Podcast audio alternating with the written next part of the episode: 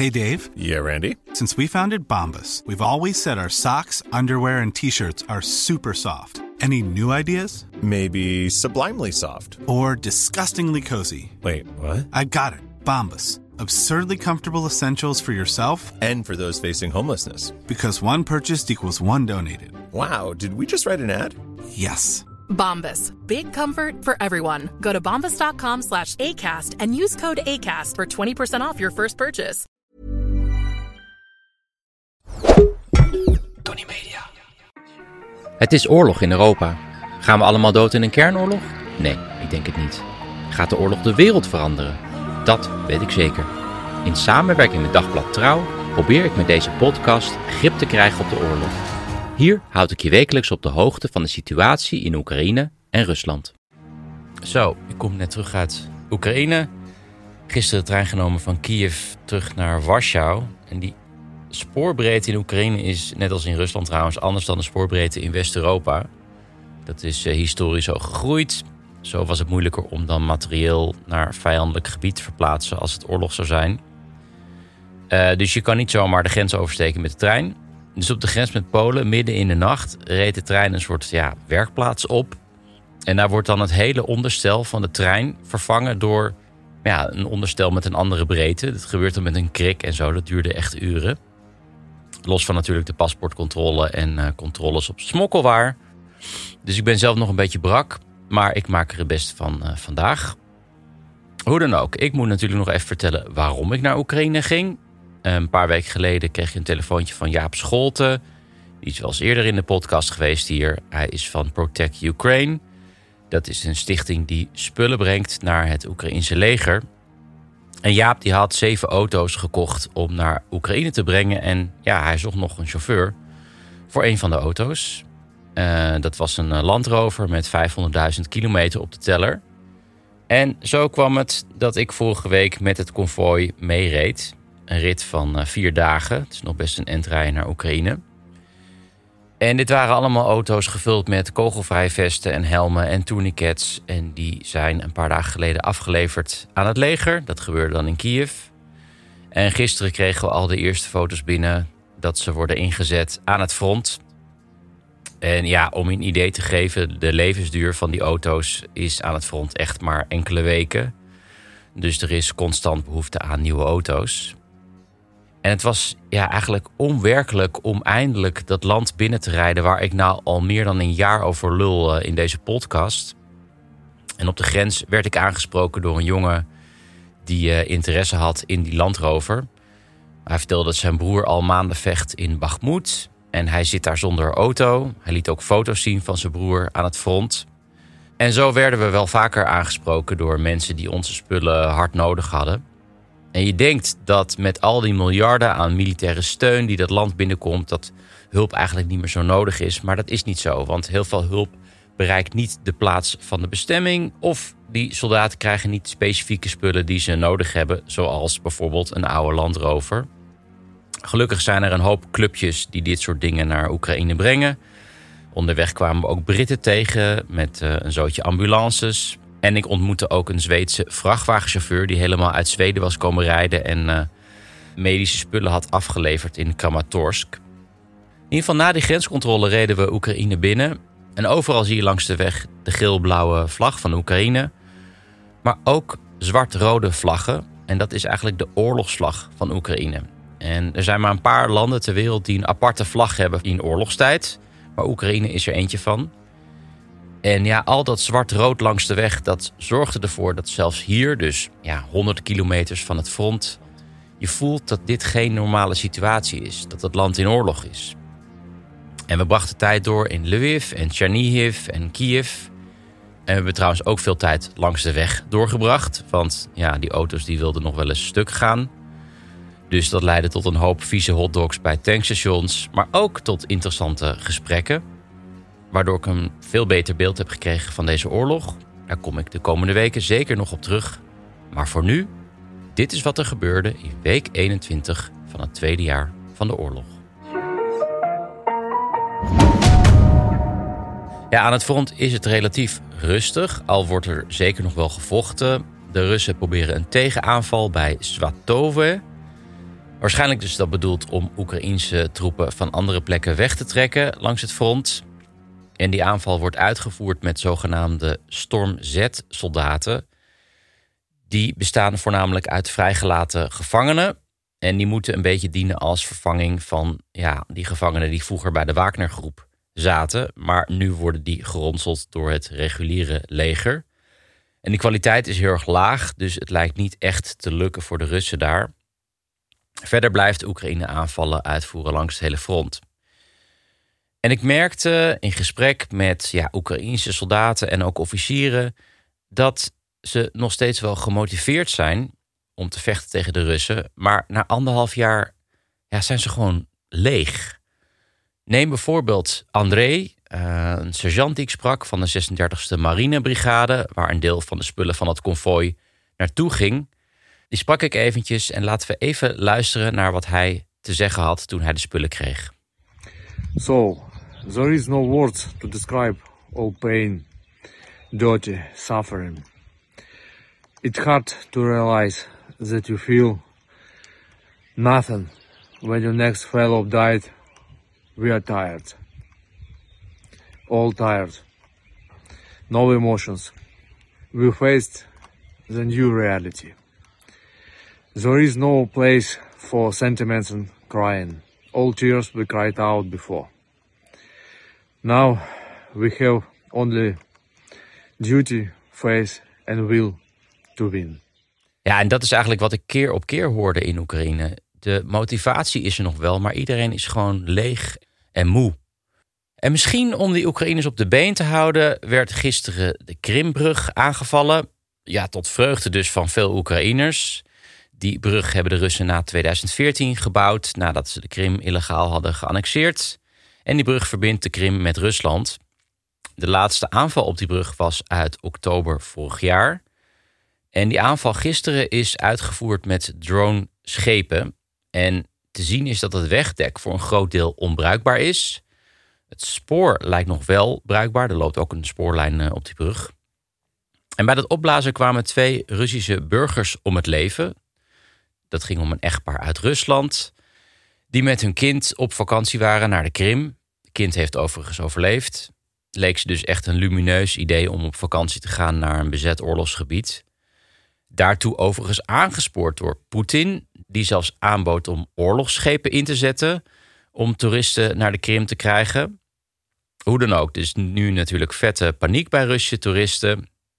Die proberen allemaal de Krim te verlaten. En nu, ja, omdat die brug dus is opgeblazen, zijn ze gedwongen om de lange route over land te nemen door bezet gebied. Deels over wegen die onder vuurcontrole staan van het Oekraïnse leger, dus die kunnen gewoon beschoten worden. In Russische kranten stond wel het advies om bij pech niet in de berm te gaan staan, want voor je het weet sta je op een mijn. Kortom, lekker ontspannen op vakantie naar de Krim. Op de Russische tv was natuurlijk veel verontwaardiging. Het is de zoveelste vernedering voor Poetin. En uh, ja, op tv haalden ze allemaal mooie kaarten erbij om te laten zien hoe geweldig die brug wel niet was beveiligd. Inclusief de inzet van wat Russen noemen militaire dolfijnen. Geen idee wat dat is. Maar toch is de Oekraïners dus gelukt. En ja, de hoop is natuurlijk dat door dit soort aanslagen vaker uit te voeren op die brug, dat die brug zo verzwakt is dat de Krim een van zijn twee aanvoerlijnen kwijt is. Poetin had het op tv over een terroristische daad waar de Oekraïners voor zouden boeten.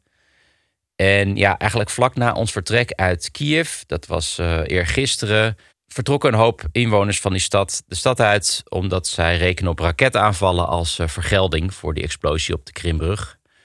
Over die raketaanvallen straks meer.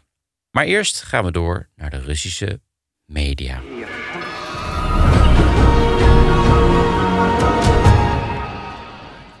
Ja, gisteren was het precies negen jaar geleden dat de Russen vlucht MH17 uit de lucht schoten. Daarbij kwamen 298 mensen om het leven. En de Nederlandse ambassadeur in Moskou die postte op Twitter een foto van een vrachtwagen. Die staat al een paar weken op de stoep van de ambassade, dus de Nederlandse ambassade in Moskou. En op die vrachtwagen hangt een grote banner met de tekst in het Nederlands: MH17, 17 juli 2014, Nederland, is een land van leugens. Ja, dit is zelfs voor Russen echt buitensporig cynisch en uh, smerig. Echt schandalig. Want natuurlijk is het Rusland juist wat het land is van de leugens. Een hele mooie leugen deze week was een bericht in de Russische media dat er een moordaanslag zou zijn beraamd op Margarita Simonian. Ja, dat is echt een van de ergste propagandisten van het Kremlin.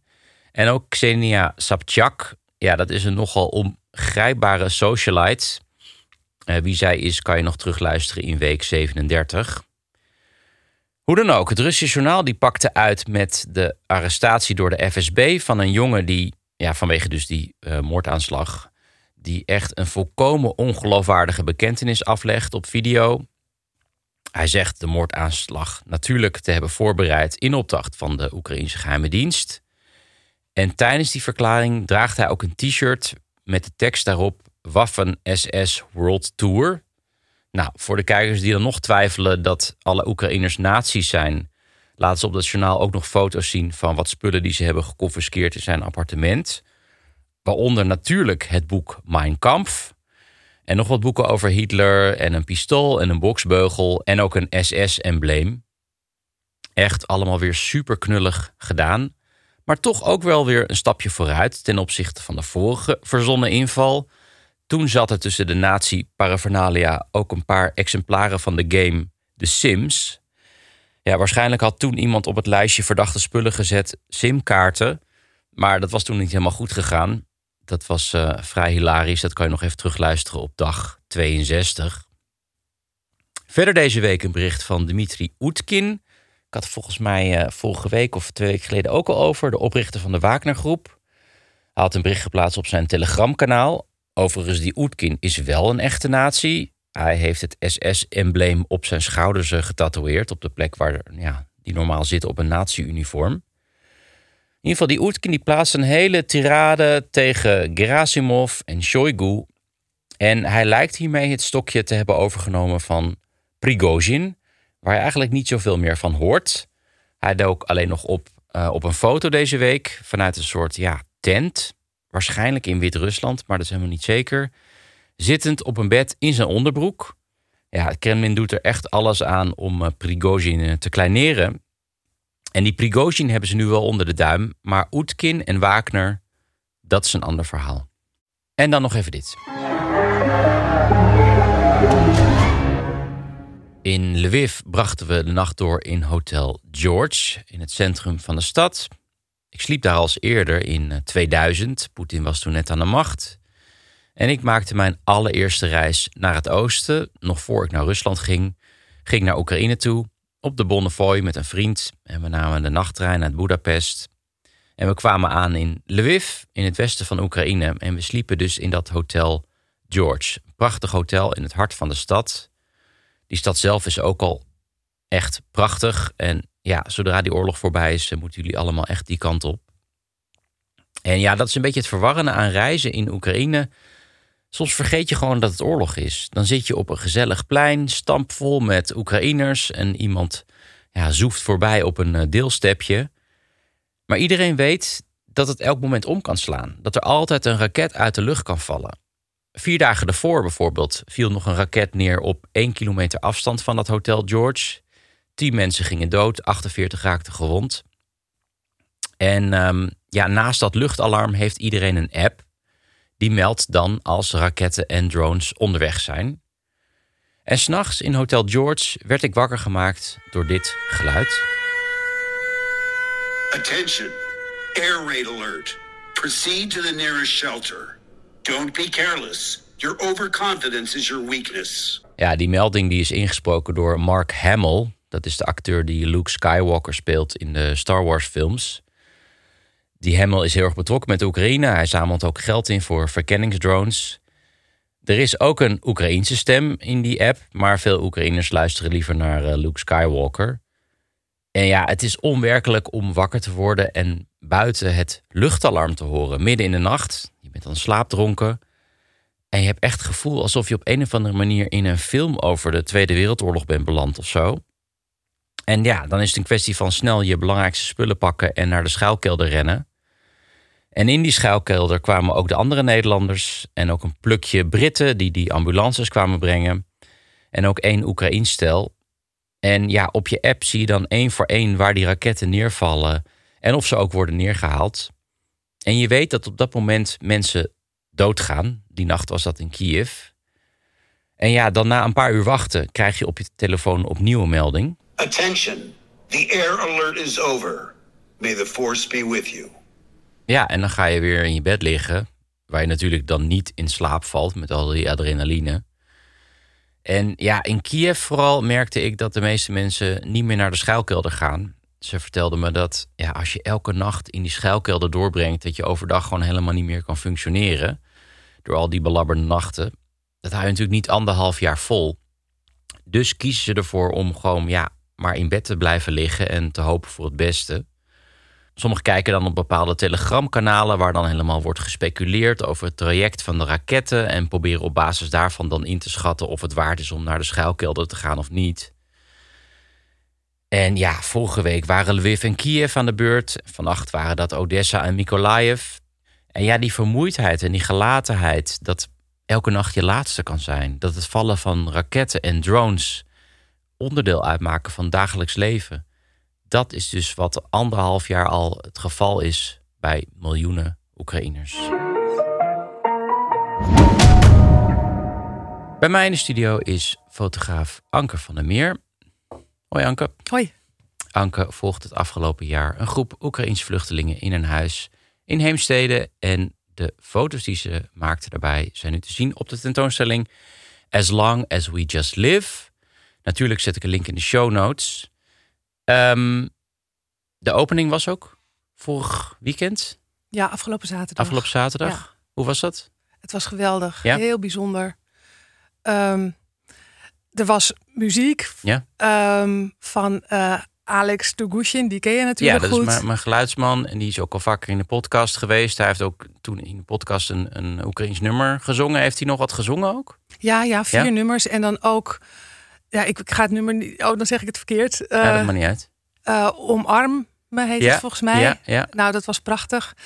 Eh, nou, de, de meiden die ik heb gevolgd waren er natuurlijk. Alona en Diana en Tatjana. Eh, en ook heel veel van hun vrienden. Dus het, het, zat, het zat helemaal vol. Het zat was helemaal vol. eh, heel, Ja. het, was, het was heel feestelijk en ook heel ontroerend. Omdat het onderwerp natuurlijk heel treurig is natuurlijk. Natuurlijk. Ja. Voor we het over het onderwerp gaan hebben, waren er ook nog Oekraïnse hapjes? Ik weet het niet. De hapjes zijn niet bij mij gekomen Oh. omdat het zo, zo druk was. Dan ben je gewoon zo druk met de opening, dan zit je alleen maar te drinken en op een gegeven moment ben je dronken. Of Eh, precies, Veel ja. ermee. Het is altijd een groot probleem met de openingen. hey, eh, Anke, vertel eventjes, hoe ontstond jouw idee voor dit project? Ik hoorde dat, eh, dat er in Heemstede een, een pastorie leeg stond die, waar opvang zou zijn voor Oekraïnse vluchtelingen. De oorlog was, nou ja, ik denk net een maand bezig. En toen was er natuurlijk een vraag van de overheid om ook particulier eh, opvang te doen. En ik doe vaker langlopende projecten. Eh, en toen dacht ik van dit is natuurlijk wel een soort bijzonder eh, verhaal om dan drie vrouwen langere tijd te volgen. Dus niet alleen het korte verhaal van oh er zijn Oekraïners en, en hoe is dit, maar om gewoon te kijken hoe het is om nou ja, voor langere tijd eh, te kijken hoe hun leven is. Echt meer op een documentaire eh, manier. Ja, precies. Ja. En Want wat, wie wonen er nou in het huis? ze wonen er nu niet meer. Ze hebben Ja. daar negen maanden gewoond. Ja. En nu wonen ze inmiddels op verschillende plekken in Heemstede en ook in eh, Haarlem. Dus. Alona woont in de containerwoning met haar gezin. Mhm. Diana woont in een oud buurthuis. En Tatjana woont in Haarlem op een ja, riviercruiseboot in het Spaarne. Ja. En de moeder van een van die vrouwen was ook overgekomen, toch? Ja, dat klopt. Diana's moeder Olga, die was er eh, ook. Die was er ook. En Ja. nog wat huisdieren, geloof ik. Ja, die waren van Alona. eh, de tackle, Messi. Ja, En de kat, Baloo, die zijn ook meegegaan in het reismandje. oké. Ja. En die zaten allemaal in dat huis. Zaten met z'n allen in het huis. Ja. Acht mensen en twee huisdieren. En was het voor jou ehm, aanvankelijk moeilijk om contact te maken? Of hoe hoe gaat zoiets? Het is toch Ja. eigenlijk een intieme setting. Dat, dat is natuurlijk zo, maar het is ook gewoon heel praktisch. Ik spreek geen Russisch, zij spreken natuurlijk Russisch. Dus we hebben heel veel eh, ja, met, de, met de vertaal-app gesproken. En eh, ja, dat was natuurlijk in het begin wel ingewikkeld. Maar uiteindelijk is dat ook wel een soort deel van die tentoonstelling geworden. Omdat ik al die verhalen die ze vertelde, heb ik bewaard in screenshots. Mhm. En ehm, nou ja, dat is dus ook wat je in die tentoonstelling kunt zien. Niet alleen gewoon dat leven van. Nou ja, ze zitten daar in die opvang. Ze proberen hun leven op te bouwen. Ze hebben een baan. Hm.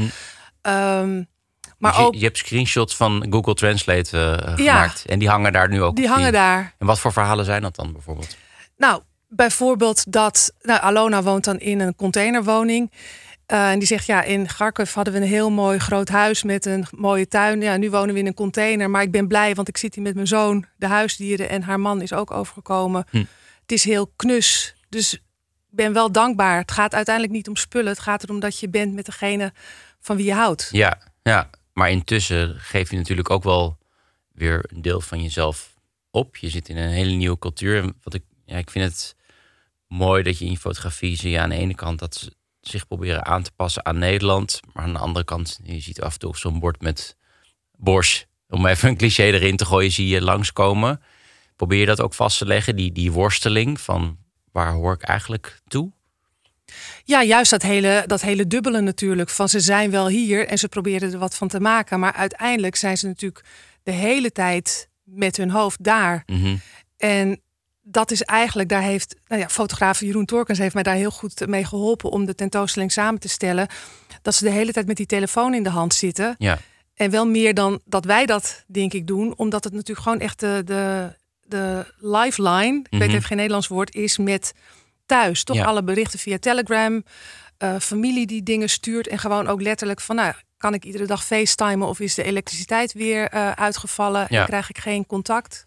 Ik zal, ik zal nooit vergeten, ik heb, ik heb een reis naar Israël gemaakt en, eh, en Palestijnse gebieden. En ik was ook in een vluchtelingenkamp van Palestijnen en die zitten daar al sinds 45. En die zien het nog steeds als tijdelijk. Dat ze tijdelijk vluchten, want ze, ze willen weer terug. Dus het lijkt Ja. me ontzettend lastig dat je aan de ene kant... je wil gewoon een nieuw leven beginnen. Je zit hier en die oorlog gaat misschien nog een paar jaar duren. Maar tegelijkertijd wil je dat niet definitief maken. Want dan, daarmee besluit je eigenlijk dat je niet meer teruggaat. Nee, heel ingewikkeld lijkt mij dat. Ja. En dan vooral omdat je dan ziet dat die kinderen natuurlijk heel snel de taal oppikken. Dus dat is, dat is ook wel een worsteling waar ik het met hen over heb. Van ja, wat, wat doe je dan? Wat zijn de plannen? Maar ja, dan zeggen ze ook, dat zei Diana ook bij de opening. Van ja, ik kan daar echt, ik kan daar niet over nadenken. Want wat gebeurt er eh, over een half jaar? Ik weet het niet. En als Ja. ik denk van ik blijf hier. Ja, moet ik dan voor eeuwig in dat kamertje met die twee stapelbedden blijven wonen? Dat is ook geen optie. Natuurlijk. Dus het leven staat wel stil. Dat is wel heel verdrietig en pijnlijk. Terwijl eh, sommige van de vrouwen, misschien allemaal, ook hier werk al hebben gevonden, toch? Ja, eh, Diana werkt bij de Albert Heijn. Eh, Alona werkt eh, in een restaurant. Mhm. En eh, Tatjana werkt bij de Action. Ja, dus wat dat betreft hebben ze het gewoon werkende leven weer, Ja, weer opgepakt. Klopt. Ja. Heb jij nog ambities om deze groep nog langer te volgen fotografisch? Of is dit gewoon een afgesloten project? Ik heb er eigenlijk nog niet over nagedacht. Maar als je het zo zegt, dan denk ik, ja, ik kan er toch niet mee stoppen. Ja, zou ik ook zeggen, toch? ja, Ja. Maar voor, voor nu is het eventjes wel. Ehm, ja nou, nu zitten we natuurlijk heel erg in die tentoonstelling. Mhm. En die, nou, die, die, eh, die is net geopend en dat duurt nog een paar weken. Dus daar ben ik en zijn wij nu mee bezig. Maar ik, ja, dit gaat ook wel gewoon door. Weet je, dat, dat, dat Alona en ik hier nu naar jou komen, dat is natuurlijk ook weer even onze mini-vakantie naar Amsterdam. Ja, Ehm, als eh, ze vertelde, Alona vertelde net dat ze naar eh, Berlijn gaat om het paspoort te vernieuwen. mhm. Denk ik ook, ook zou eigenlijk wel mee willen. Of eh, Ja. eh, een van hen had het er ook over van misschien wil ik dan ook naar eh, vrienden bezoeken in, in Oekraïne. Ja, dan wil ik eigenlijk ook wel mee. Dit heb ik nog niet aan ze gevraagd. Dus. nee. Nou, Maar voor mij is het nog niet, het is niet klaar. nee, nee. Ik zou ook zeker gaan naar Oekraïne als ik jou was. ik kom er net vandaan. Het is heel, heel inspirerend. En misschien zie je dan ook eigenlijk het ontbrekende stukje van, Ja. van mensen die je hebt Ik hoop dat je het mooie project blijft eh, volhouden. In ieder geval voor wat er nu is. Dat kunnen jullie eh, zien op de tentoonstelling. En die heet As Long As We Just Live. Die is open voor publiek tot en met 8 oktober, klopt toch? Klopt. In fotogalerie De Gang. Eh, dat vind je op de Grote Houtstraat 43 in Haarlem. Toegang is gratis. Dankjewel, Anke. Dit was het voor deze week. Volgende week vertel ik natuurlijk meer over mijn reis in Oekraïne. Ik zet nu ook een link naar Protect Ukraine in de show notes. Kan je altijd een donatie doen. Kunnen ze weer een konvooi organiseren. Verder, voor een nieuwe serie voor de VPRO ben ik op zoek naar Oekraïense journalisten die naar Nederland zijn gevlucht. Mocht je nou zo iemand kennen, dan kom ik graag met ze in contact. Ze moeten dus wel in Nederland wonen. Je kan dan een mailtje sturen naar oekraïne.vpro.nl. Dat is Oekraïne zonder puntjes op de i. En dan komt die mail wel bij mij terecht. Ik ben er weer volgende week. Tot dan.